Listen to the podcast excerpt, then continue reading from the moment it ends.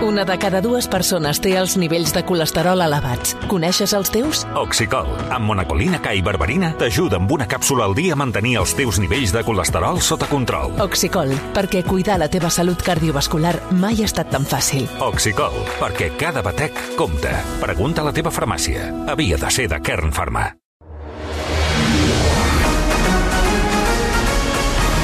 És pràcticament un quart de sis de la tarda. D'aquí una estona, senyor Marcelí, una cosa molt important, mm. que és la possibilitat de pluja Ah, celebrada per tothom. a través de què? De quin sistema? Després l'explicarem, el sistema de les cebes. Home, aquest és l'infal·lible. Aquest és l'infal·lible, que apunta grans tendències de pluja, Ole. però Quines ganes. amb una, amb una predicció més concreta. Es parla de pluja el dia 5.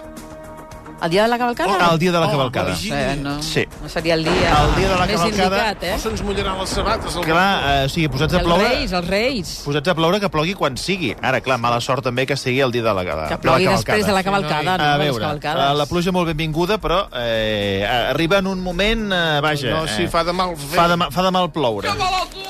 Sí, és una mica. De seguida en parlarem, però abans una altra qüestió que en el seu moment també va ser molt polèmica. Ja fa 25 anys de vida de l'euro. L'1 de gener del 99 es va introduir als mercats financers com a moneda comptable, tot i que no va ser fins al cap de 3 anys, el primer dia del 2002, que vam tenir per primera vegada euros a les butxaques. Que si us en recordeu, una cosa que feia molta il·lusió a la gent. El caixer automàtic, eh? Has de treure euros. Sí, sí. La novetat. 25 anys després volem fer-ne balanç perquè ha estat positiu per algunes qüestions i si ha estat negatiu per algunes altres. I també quina fortalesa té la moneda europea ara mateix. Tot això ens ho respondrà el, ens ho respondrà el Xavier Sala i Martín, catedràtic d'Economia de la Universitat de Colúmbia i autor de la setmana a Mart, l'economia de la intel·ligència natural. Xavier, bona tarda. Hola, molt bona tarda. Què tal? Com Gràcies per acompanyar-nos en aquest dia 2. Com ha anat l'inici d'any? Tot, tot bé de moment? Tot bé, de moment. Perfecte. Celebrant que torni a estar el senyor Marcelí aquí. Sí, nosaltres també ho celebrem Sí, perquè... Molt contents, molt Sí. contents. No, he- no, no he estat gaire catòlic. No, no, ha fregat, ha fregat la mort. Sí. Te'n recordes del primer, Ja del primer, del primer bitllet que vas tenir d'euro, Xavier, a les mans? No. No, eh? No, no, no, no recordo, no. No eres d'aquells que vas anar a treure el caixer A la nit, automàtic? a la, a la mitjanit... Molta gent ho va fer, sí, sí, molta gent ho va fer. Sí, sí, el mateix És que, és que dia. jo, jo, és que jo visc a Nova York. Jo no, no, no vaig poder sortir corrents a buscar euros. No. Clar, Però quan, clar, bueno, clar, el, clar. el, quan vaig arribar, no sé si vaig arribar al març o a l'abril, o quan vam tocar arribar, doncs vaig, ten, vaig veure els euros, però vosaltres ja estàveu acostumats. Clar. però és que allò era cap d'any, Sí. allò era cap d'any, Sí. molta gent estava de, de rebella aquí i la gent aprofitava al final de la rebella per Ah, la gent va anar, treure. després de la rebella buscava euros allò, Ah, Exacte. corrents. Sí, sí. Però, esclar, aquí Ah. heu d'estar pendents, a Amèrica, a mirar el número del bitllet, perquè tots els bitllets tenen el mateix color. En canvi, aquí, com que Eh. tens colors diferents, ja saps el bitllet que és. Sí, sí. És molt complicat mirar el número, eh? De fet, és... Eh... Bueno, hi ha, cara, hi ha la cara d'una persona que no sé mai qui és. Bueno, no sé si Pro... cares diferents, home, no, Sí, no, no- cal que siguin colors diferents, ja, ja es veu, amb un 5 dòlars eh, eh, veus un 5, eh, el 10 dòlars veus un 10, no, no, no estan amagats els números, no són... No, a veure, no, no costa gens distingir. Bueno, eh, Eh, no, no. els propis americans... No calen hi- hi- coloraines. Hi ha moltes cares que no les saben, perquè re recordem que el, el musical de, de Hamilton, eh, doncs eh, molta gent eh, se sorprenia, no?, de, de, de quina cara hi havia el bitllet. Vull dir que no sé si... Suposo que això es deu ensenyar a les escoles, m'imagino, Xavier, als Estats Units. La, la, les, la, la, les cares que surten als No. bitllets. Bueno, qui, qui, qui, són, qui, qui són cadascun dels presidents o dels, de la gent que hi ha a, les, als bitllets, sí, són, són personatges històrics i per tant s'ensenya a les escoles eh, però a distingir els diferents bitllets no, no, no cal que no cal de l'escola o sigui, no, no s'ha de ser massa llest. Eh, són molt diferents eh? tenen tots la mateixa mida o sigui, vosaltres aquí teniu més diguem, mides diferents Sí. i colors diferents Sí. eh? els, els, nosaltres aquí, aquí als Estats Units tenim tots els bitllets tenen la mateixa mida tots són del mateix color, tots són verds eh, o verds per una banda i grisosa per l'altra i però sí que te- tenen una cara diferent no? I, i sobretot tenen números diferents vull dir, només cal mirar el número i veus que és, hi ha un 10 que hi ha un, un, un 5 o, o un 1, perquè nosaltres el, el, el, la unitat la tenim en bitllet, vosaltres ho tenim en moneda, un euro és moneda, però nosaltres tenim bitllet. bitllet d'un dòlar. Eh, no, això és, diguem fora de guió, eh? no sé si ho saps. Eh, la circulació de, de bitllet continua sent important als Estats Units o també anat- s'ha anat quedant substituïda? Perquè aquí cada vegada home, pagant sí, efectiu... Cada, sí, És sí, difícil. no, no, cada, cada vegada més la gent fa servir mitjans electrònics, no? De, de, fet, vam començar... Els Estats Units van anar molt més endavant que la resta del món amb les targetes de crèdit. Uh, I això fa, de fet, que els Estats Units ara mateix estigui reterrassat uh, amb els pagaments per telèfon, no? perquè la gent ja està tan acostumada a les targetes que eh, les economies com la Xina, per exemple, que, tenen, que no feien servir targetes, doncs han passat directament al, a l'iPhone, no? Oh, i. I, I ara hi ha sistemes de pagament a través del WhatsApp i a través de les aplicacions de telèfon que, que a la Xina són molt més... A la Xina o a Brasil, per exemple, són molt més populars que no pas les targetes de crèdit, és a dir, que, que aquestes economies que anaven més retasades han fet un salt, no? un salt de la granota i han passat per davant, han, han, han deixat d'utilitzar una tecnologia, que són les targetes de crèdit, mentre que als Estats Units, com que la gent ja li va bé les targetes de crèdit, doncs no cal passar-se el telèfon perquè eh, ja estan acostumats. Però en qualsevol cas, tant els uns com els altres doncs van en la mateixa direcció que és dels papers cada vegada menys, papers i monedes cada vegada menys. A mi em sorprèn l'ús del, del telèfon mòbil. Ho veig molt a Catalunya. No sé si us heu fixat, Sí. però hi ha molta gent pagant amb el telèfon mòbil. Eh? Bizum, no? A- no, no, no, molt- acostant Ah. el terminal Sí, físicament també, al de també, telèfon també, també, sí, i sí. pagant directe. I l'altre dia eh, una persona m'explicava, i molt pràctic, diu, perquè, per exemple, m'han arribat càrrecs que jo no he fet i com que la targeta que tens al telèfon mòbil és una targeta virtual, és un moment Ostres. anul·lar aquella targeta Ostres. i generar-ne una de nova. Dic, home, dic, tu hauràs d'esperar una setmana que t'enviïn la targeta nova. No, no, no, no al moment. Te la la, copien. la cancel·les i llavors en, en tens una de nova en, en res. I la gent que paga amb el mòbil, ah, perdó, amb el mòbil, amb el telèfon, amb el rellotge. També, sí, Molta sí, gent que sí. apropa el rellotge al datàfon. Però això que aquí... conscients que això s'ha acabat la privacitat? És a dir, tothom, des del banc o qui sigui, pot saber on ets, on has comprat, què has comprat, què t'has gastat, què no t'has gastat. Mm. O sigui, privat, zero, eh? Però també és molt pràctic, no? Perquè avui dia anar a treure diners a un caixer, Però què t'estimes més, practicitat o privacitat? Jo privacitat. Home, senyor Marcelí, la- la- l'evidència demostra que a la gent no li importa la privacitat. Clar. perquè, perquè Fins, ho sí, fa sí, servir sí. les targetes, eh, o sigui, molt poca gent fa servir calés. A La, la gent que té coses a amagar, aleshores aquesta sí que pateix, perquè dir, ostres, que que el feiner sabrà on sóc, o el feiner li dirà al ministre d'Hisenda que, evidentment, on evidentment soc. que li dirà. Evidentment que li dirà. Exacte, exacte, clar que li dirà, però llavors si, si et preocupa perquè estàs amagant coses, aleshores sí, eh, tens un no, problema. Però no, no, no si per amagar, no, no, però no, senyor, senyor Sala Martín, no per amagar, sinó perquè ningú no ha de saber res del que faig jo, d'on compro pa, d'on co- d'on compro el diari, no, ningú no Però, qui, però, però, però vostè es pensa que el senyor Feiner va mirar què fa el senyor Marcelí? Va Sí, mirar els comptes. sí, a veure, té avui anirem a mirar a on ha comprat pa el Perdoni, senyor Marcelí. se, senyor Sala Martín, si el senyor Feiner té ganes de tocar el vora viu perquè la ministra li diu toqui el vora viu al senyor Marcelí, aniran a buscar-lo sí, sí. això. Però Això aleshores ha de viure completament desconnectat. No Doncs pot ja tenir des- correu ja electrònic, no pot tenir xarxes... Doncs Ara ja també és veritat que ves a un caixer automàtic aquí a Catalunya i tira't unes quantes hores, eh? Per treure diners sí funcionen, eh? Perquè de vegades hi vas No, però, i però no és que a més, funcionen. a més, tothom, a més tothom sabrà que has tret calés.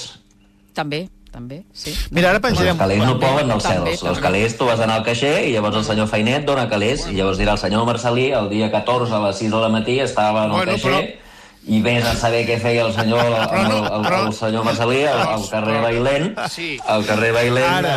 eh, traient calés a les 6 del matí. i el carrer Bailén, eh? No, no dit de qualsevol carrer, no. Tot just al carrer. Tot just, tot just. Però, però, però no sabran què me'ls he gastat. No, això és veritat. Ah. Això és veritat. Ah? Bueno, ara els companys... No, eh, clarament els diners tenen un, una, els diners són un, un dels pocs actius que hi ha avui dia que tenen, un, que tenen una característica que és la anonimitat. Eh? Gairebé tots els altres actius, una acció de Grífols, un, un bo de l'Estat o qualsevol cosa, has de posar el teu nom i tothom sap que el tens tu. Ara. Els diners no, són anònims i per tant pots fer transaccions anònimes i per això a les pel·lícules diguem, quan algú va i compra drogues o fa coses il·legals, no paguen amb la targeta de crèdit, perquè llavors ho sabria el feiner. Eh, ho fan amb la típica maleta plena de bitllets perquè és, segueix sent un mitjà anònim. Aleshores, la gent que et té que vol seguir, diguem, tenint conductes eh, que ningú sàpiga on han estat, doncs haurà de fer servir, seguir fent eh, diners, però és més complicat, perquè, clar, els diners els has d'anar a buscar al banc, doncs has de fer un viatge al banc, treure calés, després gastar, després se t'acaben tornar al banc, has d'anar fent viatges i viatges, i molta gent que no té problemes per diguem, perquè ningú sàpiga diguem, que, on has gastat els calés, doncs simplement agafen el telèfon o la targeta de crèdit, l'ensenyen a l'operadora de la botiga i pim-pim es paga i, i t'estalvies viatges al banc. Uh, llavors la gent ha de triar, jo crec que el, el senyor Marcelí ho deia correctament, diguem, què t'estimes més, no? Doncs la gent que s'estima més ser anònima doncs preferirà anar amb calés i la gent que li importa l'anonimitat molt poc però el que vol és la practicitat doncs faran servir targetes eh, de crèdit o, o, o les noves aplicacions de telèfon. Mm, bueno, ara, és així de simple. Com passa en aquest programa, havíem de parlar de, de l'euro. Ara en parlarem, però veig que els, els oients s'han enganxat també amb aquest tema. Uh, penjarem una enquesta, us preguntarem com esteu pagant, ara ara la penjarem. Més que res, m'imagino que sortirà un gran nombre en targeta de crèdit, ja veurem, però també uh, afegim a, a través del mòbil, veurem, dels oients que tenim, quan s'han animat ja amb el mòbil. Però uh, per acabar amb aquest tema, Esther, sí. em deies... Sí, Xavier, ten tenim una pregunta per tu. El Joan ens ha enviat un correu electrònic i ens diu el següent. Li podeu preguntar al senyor Salamartín, al professor, si és bo que desaparegui el diner físic? Bueno, bo, depèn per qui, depèn per qui, per la gent com el senyor Marcelí, que vol mm, que ningú sàpiga on és, és dolent. Per la gent que, diguem, no, no li importa, la, diguem, perdre l'anonimitat i per el que vol és practicitat, doncs aquesta gent no li importarà. Uh, i diguem, no, no, no, no, es pot respondre d'una manera si és bo o és, és bo per uns i dolent per altres Uh, jo, bàsicament, no, no, no, no faig servir calés uh, amb efectiu. Uh, sí, sí que em faig servir. De fet, quan vaig a països estranys, no? viatjo a, a països que no saps si trobaràs caixers, si els caixers són de fiar, si, si t'atracaran quan estàs sortint del caixer i tal i qual, aleshores sí que porto, porto dòlars en efectiu però tret d'això és que ni tan sols el pàrquing, que abans pagaves amb les monedetes als pàrquings, ara ja eh, tens aplicacions per pagar. Bueno, a, a, a, atenció, a, atenció al que està passant, eh? O sigui, acabem de penjar l'enquesta, eh, de moment ha votat poca gent, però això anirà pujant, guanya que la gent està pagant amb el mòbil. És a dir, Eh, hem perquè- superat perquè ja la targeta. els joves, la gent, la gent jove, Sí, sí. Que, els, els, els grans estan treballant, no? Són Mira, gent un- que Un 66,7% diu que paga amb el telèfon mòbil i un 33,3% amb targeta de crèdit. Bueno, eh, teniu aquí l'enquesta penjada, ja, ja, ja anireu fent. Després ho, ho repassarem. A veure, eh, parlem I, del... espera, i, i, I el mòbil té un altre avantatge, que, Sí. sí. que el vam discutir fa un parell de mesos, que um, en els bancs, els que donen les targetes de crèdit, en aquest país no hi ha molta competència. I llavors es posen d'acord, per exemple, per no pagar interessos en els dipòsits. Uh -huh. eh? O sigui, si vas a la caixa i dius, escolta'm, si a la Lagarde ha pujat els tipus d'interès 4%, de 0 a 4, i, i, els tipus d'interès que vosaltres cobreu a les hipoteques els heu pujat d'una manera brutal, per què, per què carai no esteu pagant pels dipòsits? Eh? Com, què, què, com, què passa aquí? Com és que no? I la raó és que en aquest país no hi ha competència. Però hi ha molta competència, per exemple, amb el tema de les aplicacions. I als Estats Units ja hi ha moltes aplicacions, per exemple, Apple, que no és un banc, té un compte en el telèfon en el qual et paguen el 4,5%. 4,5%. És a dir, si jo en lloc de tenir els calés a la Caixa o en el Citibank o en el Chase Manhattan o en algun banc d'aquí de Nova York doncs el, els poso els calés a, a Apple, em paguen el 4,5%. Uh, I això uh, crec que serà bo en el sentit de que trencarà aquest, uh, aquest poder massa gros que tenen els bancs a Espanya que, que, que els hi permet això, forrar-se d'una manera espectacular quan pugen els tipus d'interès a base d'ells cobrar més, eh, pujar els tipus d'interès de que cobren, però en canvi no pujar els tipus d'interès que paguen, que això és una cosa insòlita. Uh, I és una cosa insòlita perquè no hi ha competència. A la que vingui la competència d'aquestes altres aplicacions, és a dir, vindrà competència de fora dels bancs, aleshores això obligarà els bancs a beneficiar més en els clients i per tant serà una cosa bona eh, que hi hagin aquest tipus de sistemes alternatius als que proposen els bancs. Bueno, ja en parlem un altre dia, però hi ha eh, formes de pagament molt, molt, en fi, molt, molt d'èxit, com Revolut, aquestes targetes que pots portar quan vas a l'estranger, eh, d'aquests bancs, aquests neobancs eh, internacionals, podríem dir-ne, eh, bueno, uh -huh. que mhm. molta gent les ha utilitzat per, per moure criptomoneda amunt i avall. En fi, és un tema molt, molt, molt interessant, molt interessant. Bé, com deia, us deixem l'enquesta aquí penjada. Aquí la gent va opinant sobre si paga d'una manera o d'una altra. Eh, curiosament, insisteixo, eh, continua guanyant que la gent està pagant amb el mòbil. Ara el 52,4% sí, sí. per contra, el 38,1% diu que paga amb el telèfon mòbil i després hi ha un 9,5% d'oients que diuen que paguen amb diners. A veure, avui en dia 350 milions de persones de 20 països fan servir l'euro com a moneda principal. Això són 25 anys de, de l'euro. Uh, Xavier, uh, moda de en fi, de reflexió, qüestions positives i, i, i negatives de, de, de 25 anys d'aquesta moneda. Amb què et quedaries?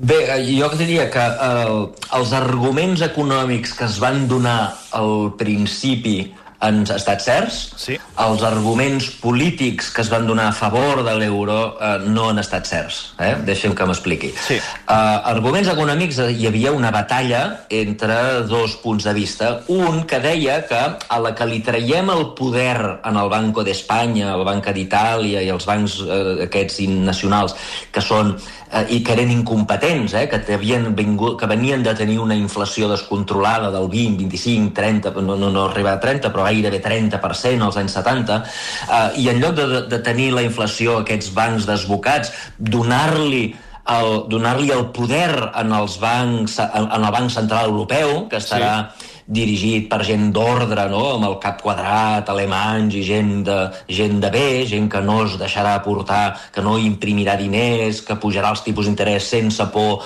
el dia que la inflació es dispari, etc etc. És a dir, si, si li traiem el poder als espanyols i li donem als alemanys, eh, per dir-ho així de manera bruta, sí. doncs la inflació baixarà. Eh?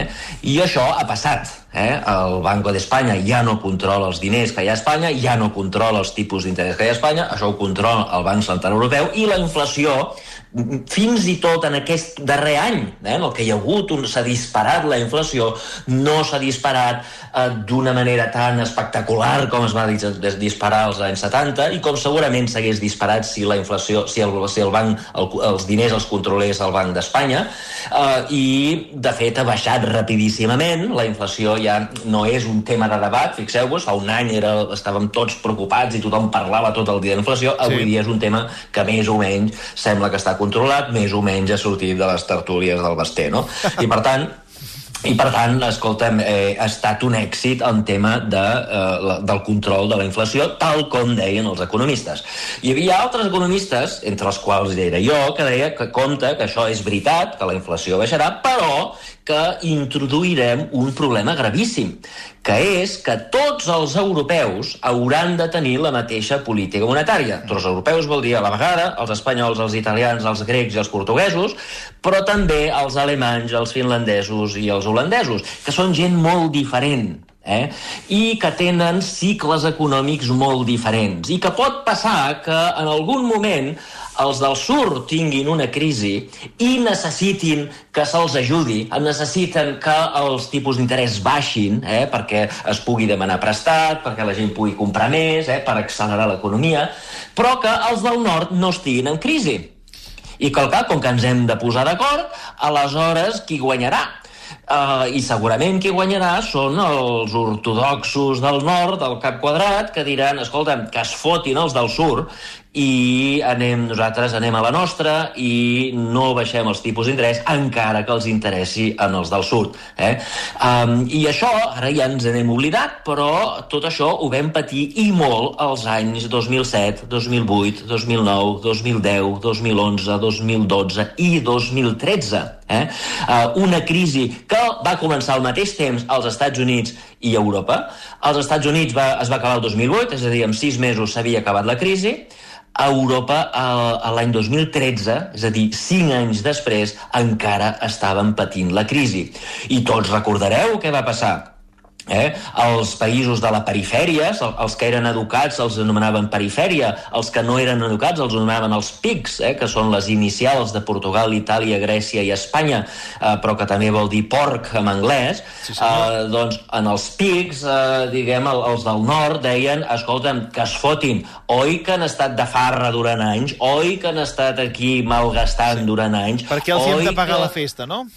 Exacte, nosaltres no pagarem la festa. És a dir, el que han de fer és austeritat. Recordeu tot això? La Merkel dient austeritat, i els holandesos dient austeritat, i els de Finlàndia dient austeritat, i els foteu. I la crisi va ser molt més dura i molt més llarga perquè en aquests moments de crisi el que tu eh, segurament hauries de fer és no només baixar els tipus d'interès, sinó fer que la teva moneda sigui més barata. És a dir, devaluar la teva moneda. Si tu devalues devalues la teva moneda, els teus productes són més barats a la vista dels estrangers, per exemple, el turisme espanyol seria més barat a la vista dels estrangers i, per tant, vindrien més turistes i, per tant, la crisi eh, s'alleugeraria. Eh? Però tu no pots devaluar la moneda perquè, de, de respecte als alemanys perquè els alemanys tenen la mateixa moneda que tu i, per tant, eh, sempre un euro alemany és igual que un euro espanyol i, per tant, no es podia devaluar. I el fet de no poder depreciar la teva moneda va fer que la crisi fos fos molt més llarga i molt més profunda del que va ser. Tot el patiment que va haver-hi als anys 2008, 2009, 2010, 2011, 2012 i 2013 ens els haguéssim estalviat si, uh, si haguéssim uh, tingut una moneda diferent. Per tant, els, els arguments econòmics jo crec que es van complir. Eh? Tant els que deien que la, la inflació baixaria, és veritat, ha baixat, i els que deien que les crisis econòmiques serien més llargues i més profundes, també s'ha complert. Eh? Eh, per tant, aquí ningú s'ha sorprès. Eh? El que ha sorprès, eh, per mi, és l'argument polític perquè jo, que era, jo era del club del segon, el segon club, eh, el que deia que compta que les crisis seran cada vegada més profundes, sí. eh, Uh, doncs a mi, quan jo ho deia, això als anys 90, eh, quan s'estava discutint si era bo o era dolent a l'euro, a mi sempre se'm va dir no, no, és que vostè no entén res, professor d'economia. Això no és un tema econòmic, això és un tema polític. Eh? Europa necessita l'euro perquè això ens portarà pau.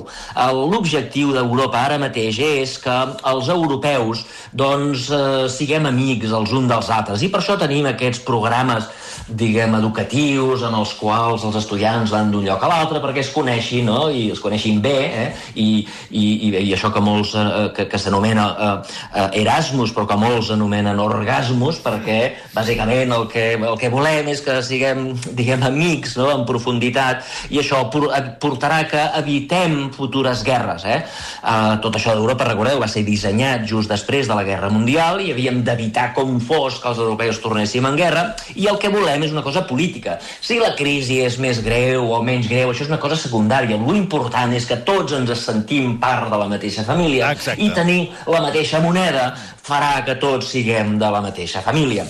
Uh, la realitat ha estat molt diferent. Eh? Perquè per culpa d'això, per culpa de que tenim la mateixa moneda, recordeu com parlàvem uns europeus dels altres europeus. Eh?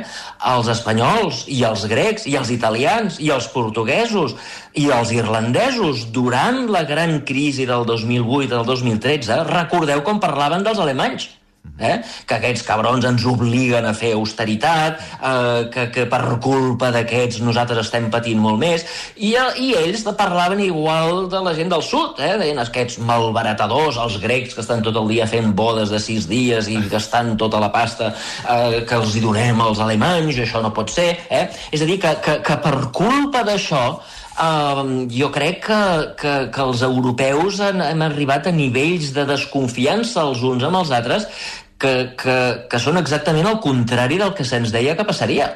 Uh, I això hem d'anar molt en compte, perquè uh, s'ha convertit gairebé en, com, com la, la, Europa s'ha convertit com en l'asa de, dels cops. Eh? Uh, qualsevol cosa que el, el, el govern d'Espanya no vol fer, uh, sempre té l'excusa, no, no, és que m'obliga Europa. Eh? És que jo no vull fer-ho, jo ja estic a favor vostre, eh? però els europeus m'obliguen. Eh, I això el que està generant és menys eh, concòrdia i no pas més concòrdia que si el que em deien a mi eh, fa 30 anys, eh, quan parlàvem d'això, era, era, era veritat, doncs resulta que estem aconseguint exactament el contrari del que ens deien que volien aconseguir. De tot aquest debat, jo en recordo, uh, vaja, ara que des de les tertúlies del Basté, hi havia un concepte que va fer molta fortuna, que era l'Europa de les dues velocitats, que m'imagino que feia referència al que ens explicaves ara, no? Doncs eh, un tipus de països que van a una velocitat i un altre tipus de països que van a una altra. Si s'hagués implementat, eh, això hauria ajudat en alguna cosa, en aquest anàlisi que ens acabes de fer? Jo crec que dos velocitats el que volia dir era dos euros, eh? l'euro del nord i l'euro del sud. L'euro pobre i l'euro ric. Exacte. Eh, diguem tots a la mateixa velocitat, o a la velocitat que pugui cadascú, però amb dues monedes diferents. Um, això jo crec que hagués empitjorat el primer problema, eh? si, els, si uh, Itàlia, Espanya, Grècia, Portugal i potser França haguéssim tingut un euro diferent del que tenen els alemanys i la gent, i la gent de la Lliga Hanseàtica, doncs, doncs escolta'm, uh, segurament doncs, haguéssim tingut una inflació superior. Eh? No, no hagués estat tan bèstia com si Espanya hagués estat sola, no hagués estat als anys 70, però sí que hagués estat pitjor del que hem tingut fins ara, però per altra banda segurament haguéssim tingut unes crisis menys profundes perquè el que hagués passat just a l'any 2008 hagués estat que l'euro del sud s'hagués devaluat en relació a l'euro del nord, això hagués abaratit els productes grecs, italians, espanyols i francesos i portuguesos i potser irlandesos en relació als del nord, eh? per exemple, el, si, el, si el nostre euro hagués estat més barat, doncs haguéssim vingut més turistes a gastar molts més calés aquí i això ens hagués fet que sortir de la crisi molt abans. Per tant, haguéssim empitjorat un problema, però haguéssim arreglat un altre. Però aquí la, la solució de veritat era no, una, no, no dos euros, sinó una unificació fiscal. Eh? Una unificació fiscal. Fixa't que els Estats Units són igual de grans que Europa. I igual de diversos. Eh? Quan hi ha una crisi a Nova York, no hi ha una crisi a Califòrnia. Per tant, això que ens va passar a Europa l'any 2009 ja passa als Estats Units sempre. Eh? Passa sempre que, que el sud té crisi i el nord no, perquè, perquè els Estats Units és un país que és com un continent, no? que, que, que gairebé té tants habitants com Europa i és igual en territori que Europa. Eh, I llavors la pregunta és per què allà sí que funciona el dòlar? Eh? Eh, doncs la raó que, per la qual funciona és que tenen un sistema fiscal únic. Eh?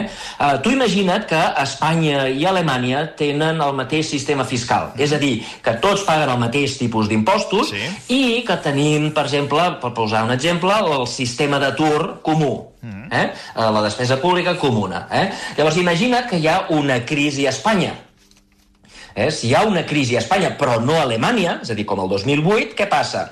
Doncs que els espanyols automàticament, simplement perquè eh, tenen crisi, eh, si són una mica més pobres, paguen menys impostos. Sabeu que els impostos són progressius. Quan menys diners tens, menys pagues proporcionalment. Val? Per tant, Espanya s'empobreix i pagaria menys impostos a Europa. Al mateix temps, com que hi hauria un atur molt més alt a Espanya, automàticament hi hauria molts diners que anirien a, que vindrien d'Alemanya cap a Espanya a pagar els aturats. Eh? I fixa't que automàticament pagues menys, cobres més, i per tant automàticament hi ha una transferència sense que ningú hagi de votar res. Uh -huh. Sense que ningú hagi de votar res. Uh, què és el que passa quan hi ha una crisi a Alabama però no una crisi a Nova York? Eh? Segurament si ens preguntessin a Nova York, vinguessin a fer una enquesta i, i haguessin de votar, a, a votar, a dir, escolta, voleu pagar calés en els d'Alabama? Segurament molta gent diria que no, per yeah. les mateixes raons, yeah. que són uns vagos, que no treballen, que estan tot el dia de festa, i en canvi a Nova York estem tot el dia treballant, res de pagar. Però com que no se'ns pregunta perquè és automàtic, doncs la cosa funciona tranquil·lament. Eh? Doncs si això ho féssim a Europa, els finlandesos no haurien de votar de donar calés als espanyols quan els espanyols estan en crisi. Passaria automàticament. Eh? I, per tant, el que s'hauria de fer és tenir un sistema fiscal europeu, cosa que no tenim, eh? cadascú té el seu sistema fiscal. Eh? I, Espanya té els impostos espanyols, Itàlia té els impostos italians i Alemanya té els impostos alemanys. No hi ha un impost europeu eh, i una despesa pública europea gran. Hi ha, hi ha una despesa pública europea, però és diminuta, gairebé no compta, eh, i eh, diguem, no, no, no hi ha un sistema fiscal, un, un impost federal com tenim als Estats Units. Eh, I això fa que, clar, quan hi ha una crisi a Espanya, se'ls hi preguntin als finlandesos, voleu pagar-los als espanyols? I tothom, no, que, que fotin autoritat, que pateixin, que han estat han estat de farra masses anys. Eh? I, I, per tant, això és el que causa és, primera, que, que no s'arregla la crisi, i segona, crea eh, la discordància que ens havien dit que desapareixeria és a dir, que té, que causa tot tipus de problemes. El problema de fons és que es va començar la casa per la teulada. Eh? Als Estats Units va començar com un sistema d'unitat fiscal i després va venir la moneda única. Aquí ho hem fet una mica al revés. Uh, I, uh, diguem, uh, el problema és que només ens en recordem d'això quan hi ha una crisi. Eh? Uh, ara ja ningú parla d'això. Quan va haver-hi la crisi tothom parlava eh? de que, que, que els europeus haurien de demanar prestat tots a la vegada, uh, que s'haurien de posar impostos tots a la vegada, tothom parlava de maneres de fer-ho, però no es va fer, va desaparèixer la crisi, el tema ha desaparegut, i d'això ens tornarem a recordar un altre cop quan vingui una nova crisi, però aleshores encara no haurem fet els deures. Sí, que tenim una miqueta una moneda d'aparador, vols dir? Perquè quan la necessitem realment... M'estàs dient que aquesta solidaritat ni existeix ni se l'espera. Exacte, exacte. No sé si dir-li d'aparador, però sí que no és, eh, no, no és funcional perquè, clar, quan... També va passar una altra vegada amb, la, amb, el, amb el Covid, eh? Uh, que ens vam negar a ajudar-nos els uns als altres. De fet, ens robàvem els, els respiradors els uns als altres. Sí, senyor. Mascaretes. Eh, sí, sí, sí, sí, sí. Sí, sí, una cosa espantosa, no? Però, però, però al final, en el tema del Covid, es, va, es van fer aquests fons Next Generation, que curiosament es van, ens van posar d'acord els europeus per donar amb, amb anys de retard, eh? o sigui, van, van, van passar més d'un any eh, de, des de que havia començat el Covid, quan els americans ja havien eh, fet tres vegades el fons Next Generation i els havien repartit i tal, eh, aquí vam aconseguir el fons Generation, que es van començar a repartir, eh, diguem, quan la crisi ja s'havia acabat, quan el Covid ja havia desaparegut, però, però curiosament sí que vam aconseguir doncs, que Europa demanés prestat de manera unificada per repartir calés en les zones que més havien patit.